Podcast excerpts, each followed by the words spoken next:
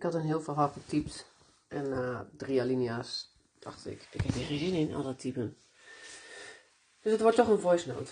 Want ehm, ehm, ik wou nog met je delen hoe mijn...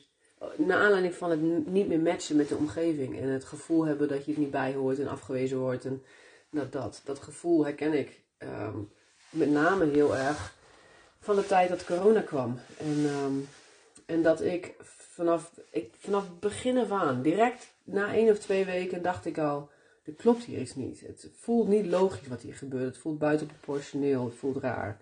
En ik ben direct uh, op onderzoek uitgegaan. En ik heb, um, ik heb die burn-out gehad. Dat heb ik wel eens Jack verteld. Die burn-out die ik gehad heb, die was um, voor de helft. Die was twee keer zo zwaar omdat ik um, op onderzoek uit ben gegaan. En ik heb enorm vastgezeten in het konijnenhol.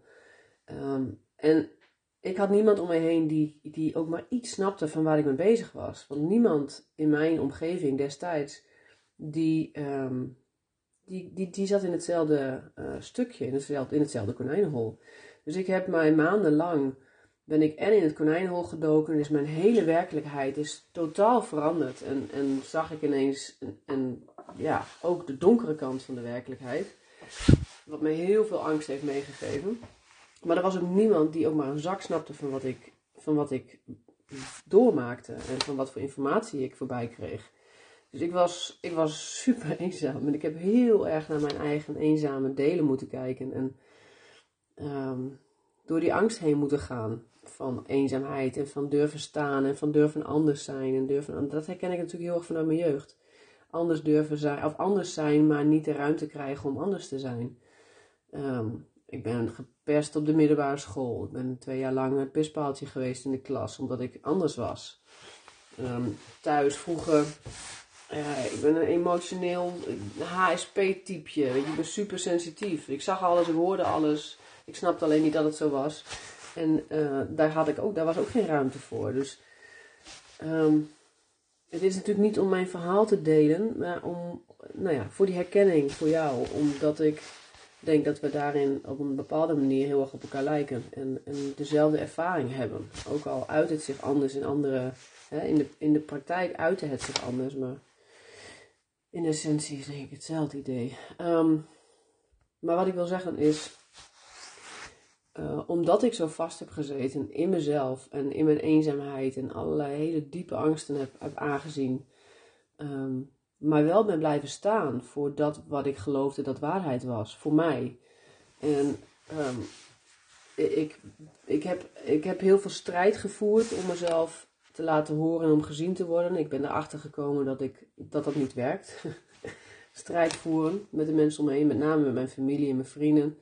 En um, en ook dat stuk heb ik heel erg in mezelf moeten aanzien. En ook dat herken ik van vroeger. Vroeger, ik ben altijd een strijder geweest. Ik had altijd discussie met mijn moeder. Ik ging overal tegenin. Mijn moeder hoorde, snapte niks van mij, begreep me niet. We kwamen van een andere planeet. Dus ik was altijd heel hard mijn best aan het doen om mijn moeder te laten begrijpen wie ik ben. En, um, en dat kwam heel erg terug uh, in de coronacrisis in het eerste jaar.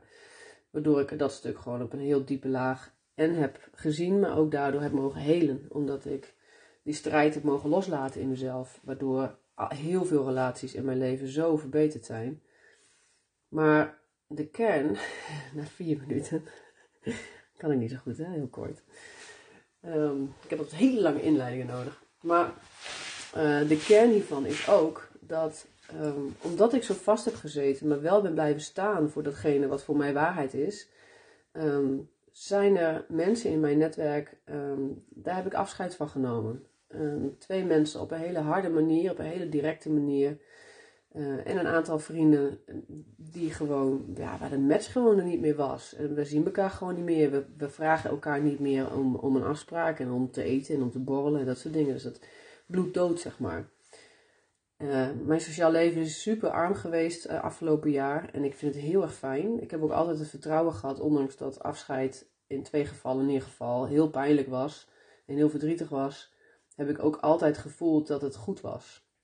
En dat mijn frequentie echt wel zo op die manier aan het veranderen was, um, dat, dat, dat het gewoon niet meer matchte met die mensen. En ehm, toen ik daar een keer nou ja, een bepaalde laag van heling in bereikt had. En ook een bepaalde ontspanning in mijn eigen, in mijn nieuwe staat van zijn eigenlijk kon vinden.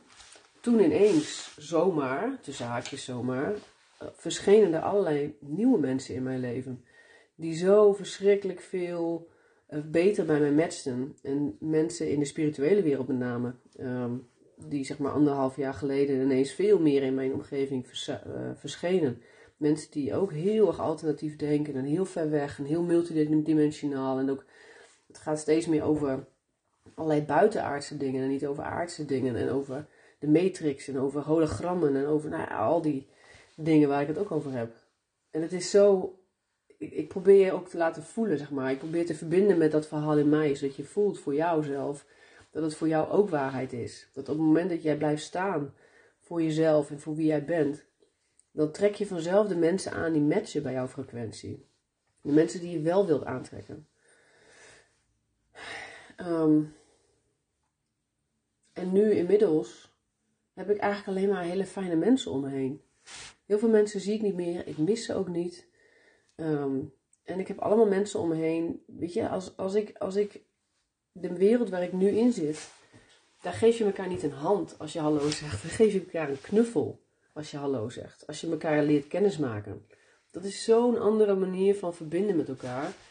Dat is verbinden zonder dat het verhaal van iemand belangrijk is. Dat is verbinden met iemand omdat je de frequentie van elkaar voelt. Omdat je heel intuïtief verbinding maakt. En, en op die manier, je weet al wie iemand is. En jij kan het ook als geen ander. Je bent, jij bent super sensitief met dat soort dingen. Je weet heel goed wie iemand is en wie iemand niet is. En hoe iemand zichzelf anders neerzet dan anderen. Uh, of dan, dan, zich, dan zichzelf. Um, en het is echt, het is zo lekker om, en ook wel gemakkelijk, maar het is ook zo lekker om te verbinden met mensen die jou ook zien op de laag waarop jij mensen ziet. Nou, dat. Het is een pleidooi. pleidooi om jezelf te zijn.